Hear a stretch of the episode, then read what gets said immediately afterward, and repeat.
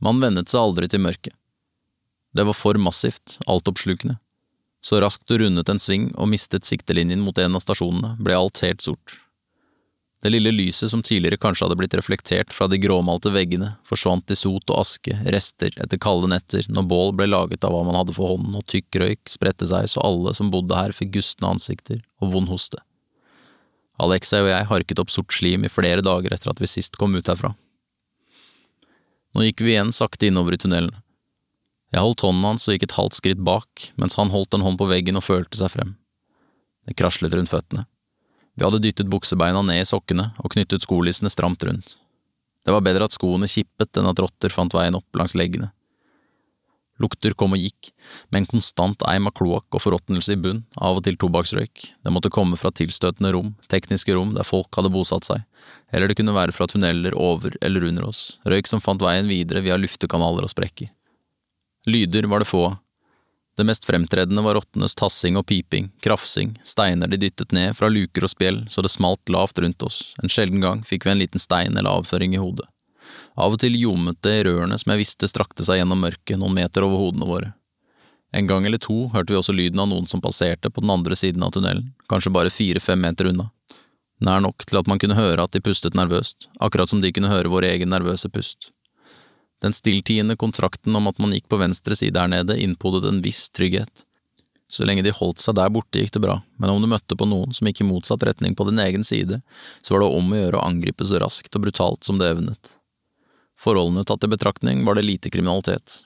Om du ranet ti mennesker, så hadde du kanskje fem rubler. Det var sjelden at noen med midler passerte gjennom tunnelene som en vanlig skitten vandrer. Er det langt til neste stasjon? hvisket Alexei. Jeg kjente ham dra i hånden min, ville at vi skulle gå fortere, men jeg følte meg frem, jeg også, skjøv den ledige hånden foran meg langsmed de skitne veggene, holdt ham hjem, kunne ikke forstå hvor dette motet kom fra. Når vi var i trygghet, var det bare fjas og tøys, men så snart vi snek oss gjennom mørke tunneler eller rømte fra rakettskytende droner, var det som om man ble en annen, tok kontrollen, ble beregnende og analytisk, kald. Vi bør være på Jubino om en halvtimes tid, sa jeg. Jeg savner middag allerede, lo han. Da vi etter mange timers vandring kom til Dubrovka, siste stasjon før den lengste distansen til overgangsstasjonen Proletarskaja, bestemte vi oss for å ta en pause. Dubrovka er en av Moskvas dypeste stasjoner. Den ligger 60 meter under bakken, og siden rulletrapper og heiser sluttet å virke for mange år siden, er det knapt noen som tar seg hit via overflaten. De som er her, har kommet gjennom tunnelene. Sist vi var her, fikk Alexei barbert hodet sitt i bytte mot en uke gammel avis han hadde i sekken. Forsiden fikk frisøren til å le. Velferden øker, sto det. Vi satte oss ned i en mørk krok med god oversikt over resten av plattformen. Det var bare noen skarpe kanter igjen av den en gang så fargerike glassmosaikken like ved oss. Noen hadde forsøkt å gjøre det hjemmekoselig i det lille hulrommet der lampen som lyste opp kunstverket bakfra, hadde stått. Jeg husket gulvet som rødt og sort, granitt, eller kanskje marmor, hardt, slik at høye hæler ga gjenklang i hele rommet. Nå var det sort som alt annet, dempet, og ingen gikk med høye hæler lenger. En og annen oljelampe brøt mørket og skinte gulaktig rundt seg så man kunne skimte et par øyne her, et sett med tenner der, av og til et helt ansikt fullt av skitt. Jeg så på Alexei, han så ut som om han kom rett fra dusjen. Gni deg med sot, hvisket jeg til ham. Sist jeg hadde bedt ham om det, hadde han klaget, skjønte ikke vitsen. Nå gjorde han det uten å mukke. Noen skrek i mørket, ikke et desperat skrik om hjelp, men en slags nedtonet konstatering av at noe grufullt hadde skjedd, etterfulgt av lavmælt gråt. Ingen snudde seg dit lyden kom fra. Jeg stakk hendene ned i sekken og sotet til og åpnet den ene flasken med vann før jeg rakte den til Alexei. Han drakk grådig. Slapp av litt nå, vi vet ikke om vi får tak i mer, sa jeg. Han ga seg og ga den til meg. Jeg tok noen forsiktige slurker og pakket flasken ned igjen, rev av en liten hvitt brød, spiste litt over halvparten selv og sendte ham resten. Jeg så det der, sa han. Hva da? Du tok mer enn du ga til meg? Nei, løy jeg. Om du skal være sånn, kan du ta første vakt og vekke meg om en times tid. Du kan like gjerne sove helt til morgenen, jeg får ikke sove noe uansett. Hvordan vet vi om det er natt eller dag? Her nede er det alltid natt. Sov nå, sa jeg og dro ham ned i fanget mitt. Bare hold deg unna resten av brødet, sa han og lukket øynene. Det siste strekket før vi igjen fikk se himmelen, var det farligste og bratteste, og et av de lengste. Ingen av oss hadde klokker, men sist måtte det ha tatt over en halvtime.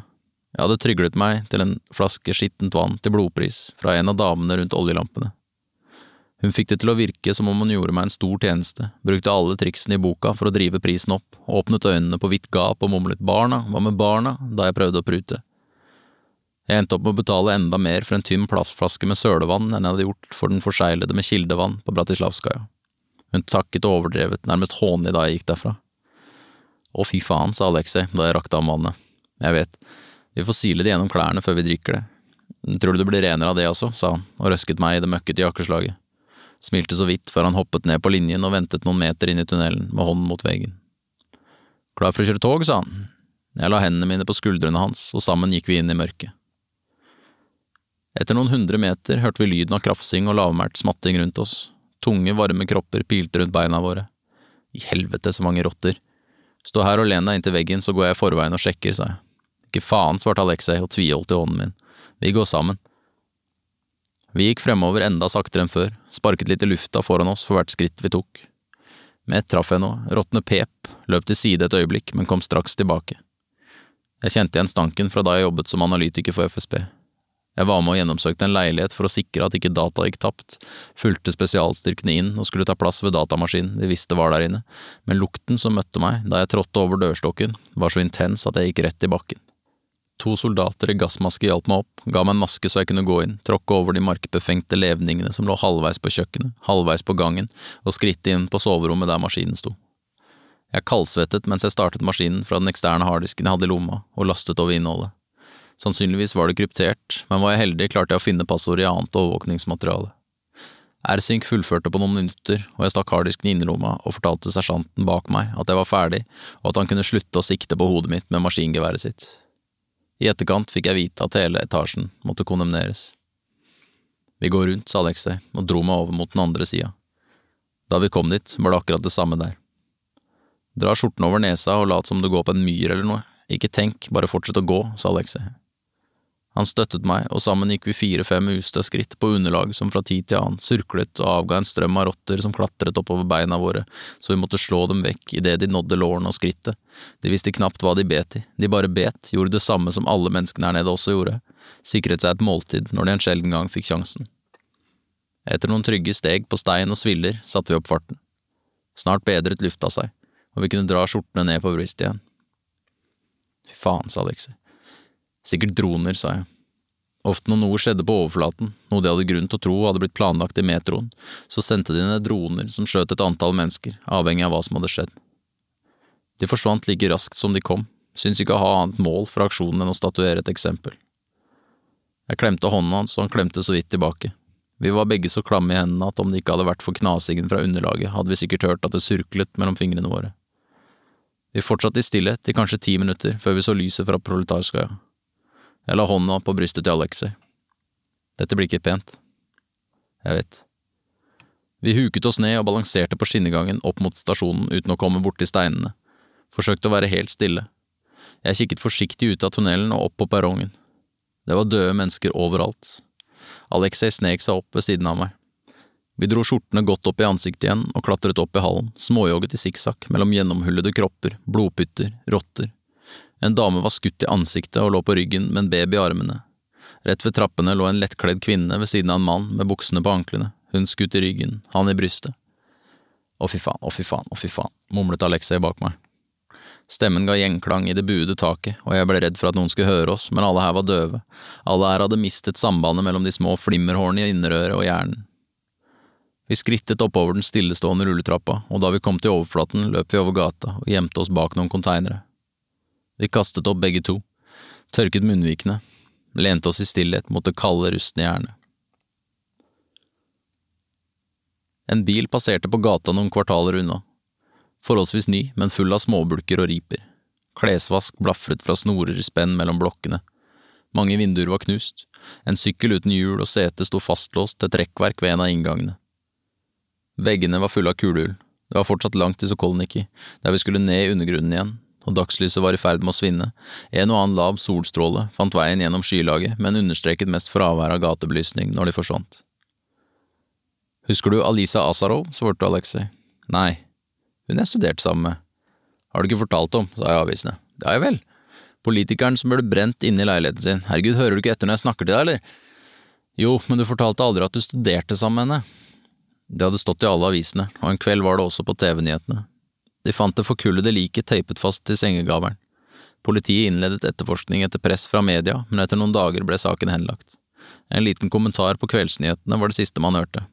Det ble bare, som vanlig, helt stille. Var dere gode venner, spurte jeg, men angret med det samme. Det var et sånt spørsmål man stilte for å vurdere hvor trist det kunne være, for å avpasse sin egen empati. Jeg hadde ikke tenkt på det før Alexei påpekte det i en begravelse en gang, at han var drittlei det spørsmålet. Unnskyld, sa jeg. Se det, svarte han. Nei, hun bodde der ute, det var bare det. Nattefukten og kulden hadde trengt seg gjennom dårlige klær og satt seg i og på kroppene våre. Alexei hadde det verst, mørkerøde striper rundt halsen fra friksjonen i den våte trøya, blek, hakkede tenner. Vi krøp nærmere hverandre for å dele varme. Den spredte seg sakte fra kontaktpunktene mellom oss og videre ut i blodstrømmen, og omsider sluttet han å riste. Jeg skal aldri klage på ull som klør igjen, sa han. Jeg skulle til å svare, men ble avbrutt av det umiskjennelige suset fra en drone i høy hastighet. Like etter eksploderte det noen kvartaler bortenfor.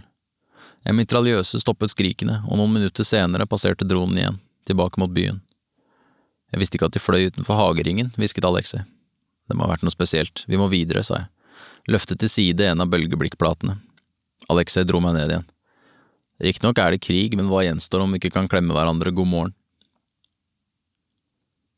Vi gikk en så stor omvei at vi havnet øverst i Sokolniki-parken, det var ikke mange år siden parken var en av de mest levende i Moskva, med skøytebane om vinteren og tivoli om sommeren. Så ble også den stengt. I takt med at rubelen stupte, forsvant de fleste offentlige tilbudene. Penger var det i og for seg nok av, og innenfor boulevardringen var det åpnet flere fornøyelsesparker på privat initiativ, men disse andre parkene, de som Sovjetunionen i sin tid hadde gjort en del av velferdstilbudet til befolkningen, ble overlatt til forfallet. De som bodde i nærheten gjorde et slags forsøk på å holde parken ved like, Plenene var klippet, sandkassa malt, og i skyggen av det flassete pariserhjulet som knirket i vinden, lekte en ungeflokk med en hund. Den nesten idylliske stemningen gjorde at vi glemte oss, lot fingrene våre flette seg inn i hverandre og leide som om vi var i skogene utenfor byen. I bakgaten i Tsvetnoi, eller bare satt i sofaen hjemme og så på en forbudt utenlandsk film vi hadde klart å lirke forbi brannmuren. Vi ruslet mellom trærne og de lange alleene, opp i labyrintene som Peter den store anla der hans far jaktet med falker, der hele tsarfamilien kom og jaktet, på flere hundre forskjellige typer fugler, en aktivitet forbeholdt den regjerende klasse. Vi gikk skulder mot skulder, uten å snakke sammen, bare nøt alle luktene vi ikke hadde kjent på lenge, kjente den milde brisen i ansiktet, klemte hverandres hender, og ikke før jeg så en mann med kurs rett mot oss, innså jeg hvor dumt dette var, slapp hånda til Alexei, tok et skritt til siden for å slippe mannen forbi, men han endret kurs, kom rett mot meg, og da det bare var et par skritt mellom oss, tok han sats og slo. Hadde jeg ikke forutsett hva som kom, hadde jeg gått rett i bakken, men jeg klarte å lene meg litt til siden, slaget streifet hodet mitt, mannen fikk overbalanse og gikk i bakken bak meg. Alexei bråsnudde, sparket ham i magen, i ansiktet, folk rundt reagerte, flere flokket seg rundt oss. Vi klarte så vidt å skubbe oss fri, ut av folkemengden, og spurtet nedover mot utgangen av parken. Det var trangt. Vi løp ned noen barn som ikke hørte at vi kom, ikke flyttet seg, og da jeg snudde meg raskt for å se om noen fulgte etter, så jeg tre–fire menn noen titalls meter bak. Fortere! ropte jeg. Vi nærmet oss rotasjonsportene der folk sto i kø for å gå inn og ut, og da vi nådde dem, satte vi hendene foran oss, hoppet og klarte å komme oss forbi uten å miste mye fart, mens forfølgerne ble forhindret av menneskemengden som stimlet sammen for å se hva som skjedde. Vi vant et forsprang, men jeg begynte å bli nervøs for at det hadde vært noen form for overvåkning der oppe. I så tilfelle ville dronene være her i løpet av sekunder, de ville kjenne oss igjen på både ansikter, gangstil og vekt om det var sensorer i bakken på vei inn i parken, men de dukket ikke opp, og vi klarte til slutt å smette innenfor dørene på Sokolniki, videre ned trappene, så oss tilbake. Ingen hadde holdt følge, og idet vi kom ned i undergrunnen, rundt et hjørne, rundt et til, turte vi å senke farten for å hente oss inn igjen.